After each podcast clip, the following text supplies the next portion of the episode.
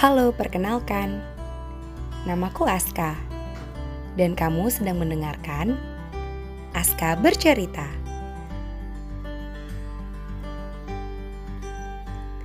Minal aidin wal faizin. Mohon maaf lahir dan batin ya. Jadi salah satu kalimat yang biasanya kita dapetin dan kita ucapin di Hari Raya Idul Fitri. Hari Raya Idul Fitri atau sering juga kita sebut sebagai Lebaran. Jadi salah satu hari yang ditunggu-tunggu buat umat muslim di seluruh dunia. Nggak cuma di Indonesia aja. Buat aku sendiri, Lebaran itu juga jadi hari yang spesial banget.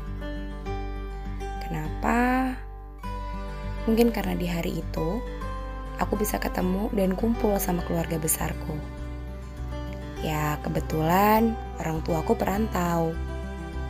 Jadi, kita emang tinggal agak jauh. Gak jauh-jauh banget sih sebenarnya. Dari keluarga besar kita yang kebetulan semuanya kumpul di daerah Jawa Barat. Mungkin itu juga kali ya. Jadi alasan kenapa aku selalu excited banget tiap mau lebaran. Selalu gak pernah sabar. Karena buat aku, banyak banget momen yang maknanya terasa lebih dalam pas lebaran. Salah satunya saling minta maaf, terutama ke orang tua. Emang sih, sebenarnya minta maaf ke orang tua itu bisa kita lakuin kapan aja. Gak mesti nunggu lebaran dulu. Tapi rasanya, minta maaf pas lebaran tuh maknanya lebih dalam banget daripada hari-hari lainnya. Kamu juga ngerasa gitu gak sih? Terus, hal lain adalah kalau lagi kumpul sama keluarga besar. Aku dan keluargaku biasanya punya dua waktu dalam satu tahun. Pas lebaran atau pas libur akhir tahun. Tapi nggak tahu kenapa, rasanya beda aja kalau kumpulnya di hari-hari lebaran, kayak lebih hangat. oh iya, keluargaku juga punya tradisi di lebaran. Salah satunya kasih THR. Tunjangan hari raya. Nah, di keluargaku, syarat yang bisa dapetin THR itu cuma dua buat mereka yang belum kerja atau mereka yang belum nikah. Jadi, kalau kamu udah kerja atau udah nikah, jatah THR kamu udah hilang deh. Aku punya cerita.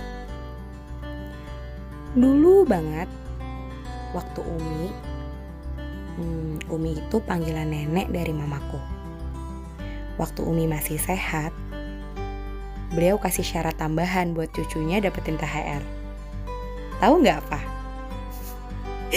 Nyetor hafalan jus ama yang suratnya udah ditentuin sama beliau. Duh.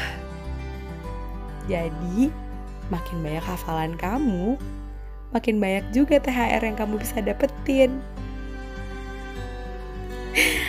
Kalau ingat masa-masa itu ya,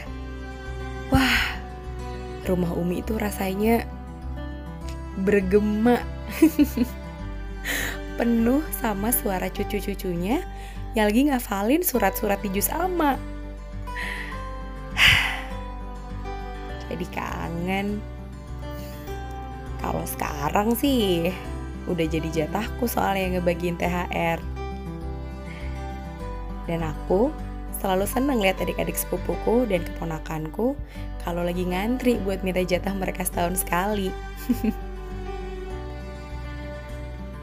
Satu lagi tradisi dari keluarga mama adalah makan bakso. Aku dan sepupu-sepupuku punya satu kedai bakso favorit. Namanya Bakso M Imu. Hmm, setauku sih cuman ada di Garut tapi nggak tahu kalau ternyata dia buka cabang di tempat lain. Jadi, tiap kita habis kumpul keluarga di hari kedua, pulangnya kita bakal cabut buat makan bakso imu. Dan gak tahu kenapa, makan bakso imu pas lebaran tuh rasanya kayak ngasih reward gitu buat diri sendiri. Tapi gak tahu ngasih reward buat apa. Anehnya, aku dan sepupu-sepupuku cuma mau makan baksonya ayam imu aja. Kita nggak pernah mau cobain bakso lain. eh, tapi itu tandanya aku setia kan orangnya. Kalau dari keluarga ayah, lain lagi. Tradisi yang selalu kita lakuin adalah nginep rame-rame di hari kedua atau hari ketiga lebaran. Nah, biasanya di malam harinya kita bakal bakar-bakaran. Eits, bukan bakar barang tapi ya, bakar makanan. Bisa daging ayam, daging sapi, sosis, atau cuma sekedar bakar jagung aja. Terus, kita lanjut deh main games. Gamesnya juga biasanya selalu kita bikin ngedadak pas hari H. Dan petugas yang bagian bikin games itu selalu bergantian. Jadi ceritanya turun-temurun gitu. Dulu sih pas aku kecil, tugasnya ada di kakak-kakak sepupuku. Tapi sekarang berhubung kita juga terus tumbuh, tugasnya udah turun ke aku dan sepupuku yang lain yang seumuran. Ya lumayan, lebaran-lebaran mengemban tugas bikin games buat adik-adik kecil. Tapi tetap menyenangkan kok.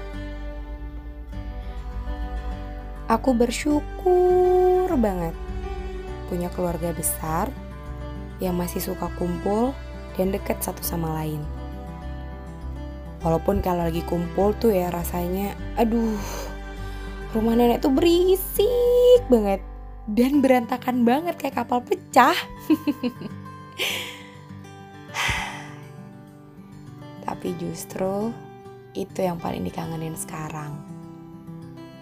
Apalagi di masa-masa kayak gini. Biasanya mulai dari hari-hari terakhir Ramadan, kita semua udah bisa ketemu dan kumpul.